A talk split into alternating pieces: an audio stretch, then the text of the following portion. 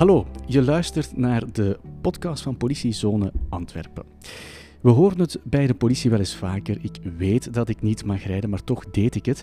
En dan heb ik het natuurlijk over mensen die ondanks een lopend rijverbod toch nog achter het stuur zijn gekropen. En dat is een probleem. En uh, om dat probleem aan te pakken, dan bundelen we onze krachten samen met het parket van Antwerpen en wij als politie. En om er meer over te vertellen is hoofdinspecteur uh, Michael Nuits hier bij ons aan tafel gekomen. Ze denken vaak dat ze uh, snel vanaf gaan komen. Ah ja, maar mijn rijbewijs ligt nog thuis of dit of dat. Of ik zit in mijn hemdig broek, in mijn andere jas. En als wij dan dieper gaan graven, ja, dan, dan zie je soms de moed wel zakken. En ook mevrouw Tatjana de Vrijne, parketjuriste bij het Antwerpse parket, zit bij aan tafel. Voor de bestuurder zelf hangen er natuurlijk heel zware straffen uh, boven zijn hoofd. Hè. Er is een uh, geldboete mogelijk, die gaat van 4.000 euro tot 16.000 euro. Er zijn zware gevangenisstraffen van toepassing. En ik ben Wouter Bruins. Michael, ik legde bij het begin het uh, probleem al een beetje uit, maar ik denk dat jij dat nog beter kan uitleggen. Ja, Wouter. Dus um, helaas merken we dat we tegenwoordig verschillende malen per week geconfronteerd worden met mensen die aan het rijden zijn met hun wagen of met hun motorfiets, terwijl dat er een, uh, een verval van het recht tot sturing is. Dus dat zij door, een, door de rechtbank is opgelegd dat zij een bepaalde periode niet mogen rijden. Dat kan een korte periode zijn, dat kan een aantal dagen, weken, maanden, jaren tot levenslang zijn. Mm -hmm. um, maar we hebben dus meerdere vaststellingen per week, helaas. Ja, en hoe groot is dat probleem? Ik moet bedoel eigenlijk van ja, welke impact heeft dat op onze maatschappij of op jullie? Ja, het probleem is natuurlijk, die mensen blijven inderdaad rijden. Um, wij als verkeerspolitie, die bij ons bezighouden met verkeerswetgeving, wij weten ook dat de rechter dat niet zomaar uitspreekt. Dus dat wordt niet licht overgaan. Dus er is echt wel een noodzaak waarom dat de rechter dat, dat rijverbod heeft opgelegd. En dat is dan ja, heel vaak om de andere weggebruikers ja, te beschermen tegen die betrokkenen die dat een rijverbod heeft gekregen. Ja, en heb jij een idee hoe dat bestuurders ertoe komen of waarom dat zij toch nog achter het stuur kruipen, ondanks een opgelegd rijverbod? Ja, de meest gehoorde oorzaak is, ja, maar ik moest maar even dit gaan halen of maar even dat, of even de kinderen, even naar de winkel. Um, als wij ze tegenhouden, het is altijd de eerste keer dat ze op die moment aan het rijden waren tijdens hun rijverbod. Ja, het is natuurlijk ook wel impactvol hè, als je niet achter het stuur mag kruipen.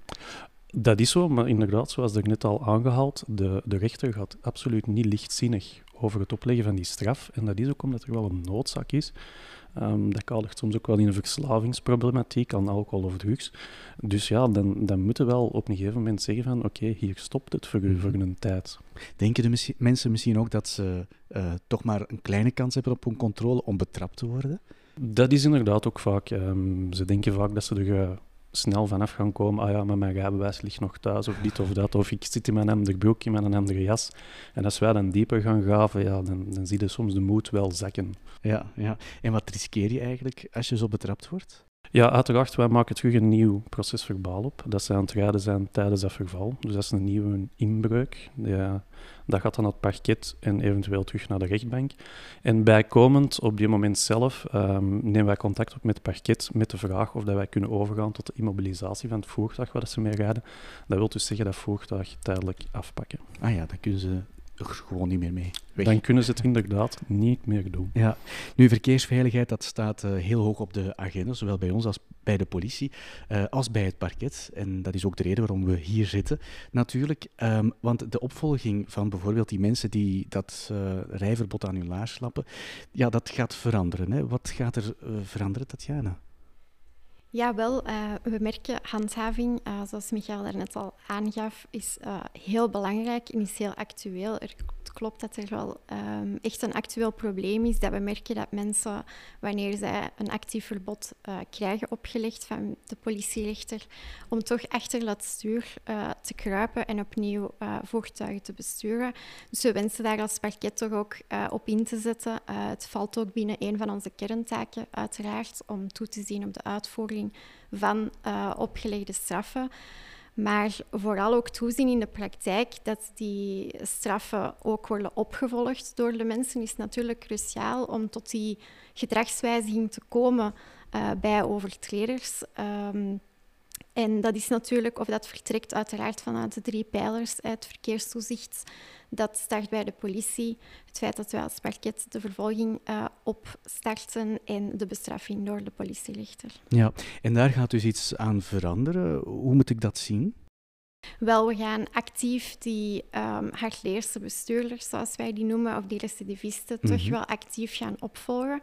En samen met de politie um, gaan kijken dat zij toch niet opnieuw achter het stuur kruipen en zoveel mogelijk te voorkomen uh, dat dat gebeurt, zodat dat natuurlijk bijdraagt aan de verkeersveiligheid in Antwerpen. Ja, moet ik dat dan eigenlijk zien als een soort van strengere straf? Of is dat gewoon een betere opvolging om ja, de, de pakkans misschien wat te vergroten?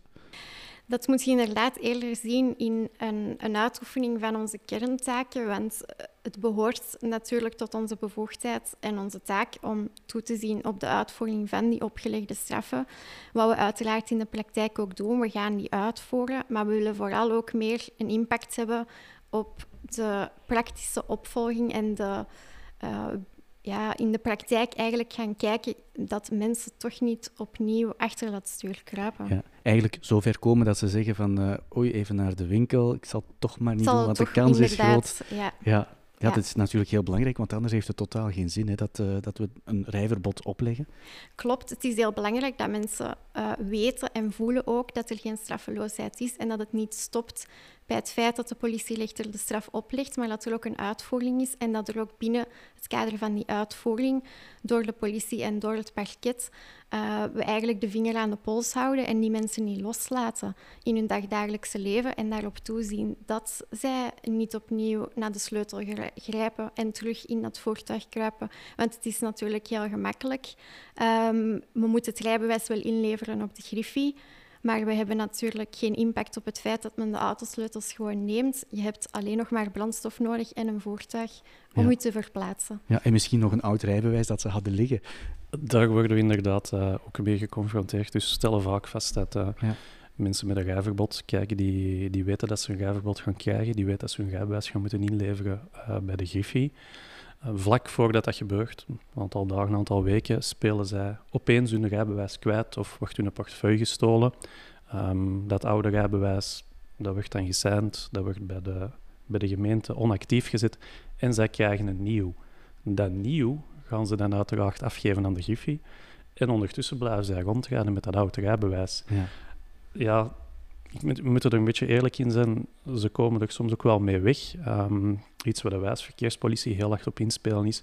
Wij gaan altijd kijken of dat het rijbewijs dat zij ons tonen, of dat dat effectief nog het actieve rijbewijs is bij de gemeenten. En dat is natuurlijk, als je al ziet dat dat niet het actieve rijbewijs is, dan gaan er bij ons al alarmbellen af en dan gaan wij verder beginnen graven. Ja, ook als ze misschien zelfs geen rijbewijs bij hebben. Dat, je... dat ook. Um, ja, ik zeg het, de, de excuses zijn, zijn...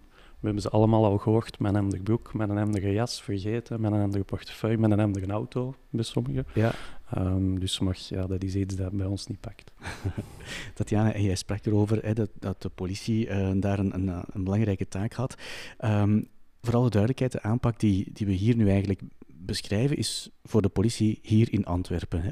Dat klopt. We zijn met een proefproject gestart dat enkel gelicht is momenteel op de stad Antwerpen. Mm En um, als, als we bekijken welk profiel dat jullie beogen, wat zijn die mensen of wie zijn die mensen? Um, als je de statistieken of zo er eens bijpakt, wie, wie is zo hardleers?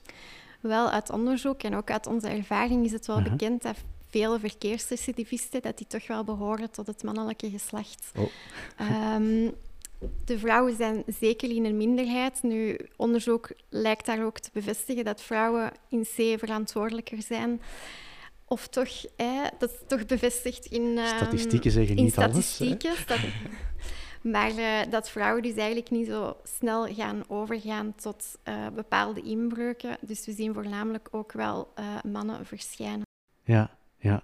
ja, het is natuurlijk heel ernstig te, te nemen. Hè. Um, ik kan mij voorstellen, um, Michael, dat dat voor jullie op straat ook geen complex of geen eenvoudige zaak is. Hè. Dat het toch met de nodige, ja, dat dat een complexe situatie is. Je zegt het net al, hè, van, ja, je kan het moeilijk zien of, of op het eerste zicht toch niet, of iemand een rijverbod heeft of niet. Natuurlijk, inderdaad. Uh, in het kader van het project met het parket zijn er wel een aantal mensen in beeld gekomen van dat we zeggen van kijk, die, die gaan we van naderbij opvolgen. Hoe dat wij die gaan opvolgen, daar kan ik natuurlijk niet over uitweiden. Ehm, wij, zullen, wij zullen onze middelen uh, voor ons houden. Ja. Maar een van onze, onze beste middelen is nog altijd het, het, ja, het, het oog van onze mensen, die, die zeggen van, die ook gewoon zijn van tijdens hun patrouille naar voertuigen te kijken, die, die heel vertrouwd zijn met types voertuigen, merken, verschillende types. En die die ook wel vaak snel uitpikken. Dus ze weten als ze naar een bepaald voertuig moeten zoeken, ze zien die rijden, ah, dat is hem, van op de motto. En natuurlijk, dat is een voordeel dat wij hebben met de motor. Wij kunnen snel draaien, wij kunnen snel een andere straat in. En dan kunnen we ze aan de kant zetten en dan begint het natuurlijk. En dan gaan we effectief kijken van, ja, is degene dat we dachten dat we moesten hebben, is dat effectief degene dat achter het stuur zit. Ja, ja want dat verbaast me wel. Ik, lees geregeld uh, in de PV's enzovoort. En je ziet dan wel vaak um, dat, dat de politie een bestuurder herkent hè, van een vorige of twee vorige of drie vorige vaststellingen als hardleerse bestuurder. Dus dat zal... Uh, dat, is helaas een, uh, een, een, realiteit, ja, dat wij bepaalde mensen meerdere keren tegenkomen. Um, dus ja. Hm. Uh, Tatjana, en hoe zit het dan eigenlijk met die, met die bestraffing? Hoe gaat dat um, als je meer dan eens als een hardleerse bestuurder betrapt wordt? Wel, kan eigenlijk op het ogenblik van de feiten zal de politie contact opnemen met de parketsmagistraat, die dan eigenlijk kan overgaan uh, tot de inbeslagname van het voertuig. Dat kan zowel wanneer de bestuurder de eigenaar is, maar dat kan ook evengoed wanneer de auto eigenlijk eigendom is van een familielid, van vrienden, van derden. Dat is ah, zeker niet uitgesloten. Ja, en gebeurt dat eigenlijk vaak? Ja, we zien dat toch wel inderdaad, dat dat zo 50-50 ja, verdeeld is. Dus dat het vaak met een eigen auto is, maar dat het even vaak gebeurt met een bedrijfswagen, een uh, wagen die ingeschreven staat op de ouders of op de kinderen, een broer, een kennis ook wel. Um, ja, en dat is toch wel ingrijpend. Um, wij maken dan ook altijd een procesverbaal op ten laste van die eigenaar van dat voertuig, um, dat hij dat heeft toevertrouwd aan iemand dat hem wist dat hij een verval ja. tot tot sturen had. Als hij het wist. Als hij het wist, maar dat moet dan natuurlijk blijken uit het verder onderzoek. Dus daarmee dat wij dat ook dat proces verbaal opmaken en dan kunnen ze daar het pakket mee verder. Ja, ja dan moeten jullie er weer mee verder. En, zijn er zo nog dingen, uh, want we hebben nu gesproken over uh, de beslagname. Klopt. Um, voor de bestuurder zelf hangen er natuurlijk heel zware straffen uh, boven zijn hoofd. Hè. Er is een uh, geldboete mogelijk, die gaat van 4.000 euro tot 16.000 euro. Er zijn zware gevangenisstraffen van toepassing, um, die gaan tot de twee jaar. Um, en natuurlijk ook een rijverbod van drie maanden tot levenslang. Uh, in, die in die optiek dat natuurlijk, als men dat maar blijft doen bij herhaling, dat de straffen zelfs verdubbelen. We kunnen dan ook een verbeurdverklaring van het voertuig vragen, zowel als dat eigendom is van de bestuurder, als dat we uh, te maken hebben met een duidelijk toevertrouwen van dat voertuig aan een iemand anders. Ja, we zijn nu, uh, de podcast wordt opgenomen in oktober. Um, hebben jullie al cijfers van bijvoorbeeld dat proefproject, uh, de periode dat het gelopen heeft? Zeker. Um, op een maand tijd hebben we eigenlijk al 21 overtreders gevat binnen het project, um, waarvan vier eigenlijk ondertussen een dagvaarding in de bus hebben gekregen, want we willen ons als parket uiteraard engageren om die zo snel mogelijk op zitting te brengen, ook met het oog om daar ook op opnieuw snel een bestraffing en uitvoering te hebben. Um, we zien daarbinnen ook dat het gaat over overtreders die veroordeeld zijn tot zelfs een levenslang rijverbod of eigenlijk te kampen hebben met een bepaalde verslavingsproblematiek, zodat zij lichamelijk ongeschikt uh, werden verklaard. Ja, en wat met uh, bijvoorbeeld bestuurders die buiten Antwerpen rondrijden? Die zijn momenteel nog niet opgenomen in het kader van dit project om er uh, actief op te volgen. Wat natuurlijk niet wegneemt dat de politie ook in de buitenzones nog altijd uh, daar ook de vinger aan de pols kan houden en de mensen uh, kan opvolgen. Het wil niet zeggen dat het daar een vrij geleiden is uh, om de inbreuken te plegen. Er blijft op ingezet worden. Um, maar um, het proefproject loopt uiteraard alleen binnen stad ja. Antwerpen. Ja, voor daar misschien even op in te pikken. Dus inderdaad, als wij nu in het kader van het proefproject concrete informatie vernemen dat iemand blijft rijden buiten Antwerpen, dan zullen wij eigenlijk net zoals vroeger die informatie op, op de correcte wijze overmaken aan, onze, aan, de, rand, aan de zones in de rand. Um, iets dat zij ook doen naar ons toe trouwens, dat in het verleden al tot, tot successen heeft geleid. Dus het is niet zo dat daar niks mee gebeurt. Uh. Ja. Nu, um, hoe zie je de toekomst van het? Het is een proefproject. Denk je dat dit nodig is om dat ook uit te breiden? Of is het misschien specifiek voor een stedelijke context dat dit beter zou kunnen werken misschien? We gaan het uiteraard uh, nog evalueren. Het project zit nog in zijn uh, beginfase. Mm -hmm. uh, dus we gaan het eigenlijk nog eventjes afwachten. Maar we sluiten dat zeker niet uit dat dat kan verder uitgerold worden. Ja, Michael, jij als hoofdinspecteur op het terrein, maar jij wordt echt geconfronteerd met die mensen in hun auto. Ben je nu eigenlijk blij of, of vind je dat een goed teken of een goed signaal dat we nu een, een proefproject als dit hebben? Dat er misschien, ik weet niet of ik het lik op stuk beleid mag noemen, maar dat er toch wel niet licht wordt omgegaan met, met mensen die ja, hardleers zijn? Ja, lik op stukbeleid. Ik denk dat het vooral belangrijk is inderdaad dat uh, de strafuitvoering dat die wordt opgevolgd. Um, het is inderdaad, het mag niet stoppen in de rechtbank, dat we er gewoon maar van uitgaan dat een straf die wordt uitgesproken, dat die ook effectief wordt uitgevoerd. Dus inderdaad, we hebben gezien dat sommige mensen denken van, ah, maar de pakkans is inderdaad toch zeer laag. Um, mij gaan ze niet pakken, dus ik blijf rondrijden. Ja, als ze daarmee geconfronteerd worden, dat het toch wel zo is, ja, laat ons dan hopen dat het inderdaad na die ene keer stopt. En dat dat dan de, ja, de herinnering was die ze nodig hebben. Het is al spijtig dat die herinnering nodig is, uh, maar wij zijn er dan voor die te geven, als het in die gevallen. Oké. Okay. Tatjana, Michael, heel erg uh, bedankt om uh, naar hier te komen en aan te sluiten bij de podcast. En natuurlijk ook voor jullie heel duidelijke, heldere uitleg. Um, we zijn aan het einde gekomen. Um, ik wil ook iedereen bedanken die geluisterd heeft. Heb je nog toffe ideeën? Dan kan je die overmaken via onze social media. We zitten op Facebook, Twitter, Instagram, LinkedIn. En onze podcast kan je beluisteren via Spotify en alle andere uh, podcastspelers. En deze podcast kan je ook op YouTube bekijken. Dan weet je welke sympathieke gezichten er bij deze mooie stemmen zitten. Tot de volgende keer.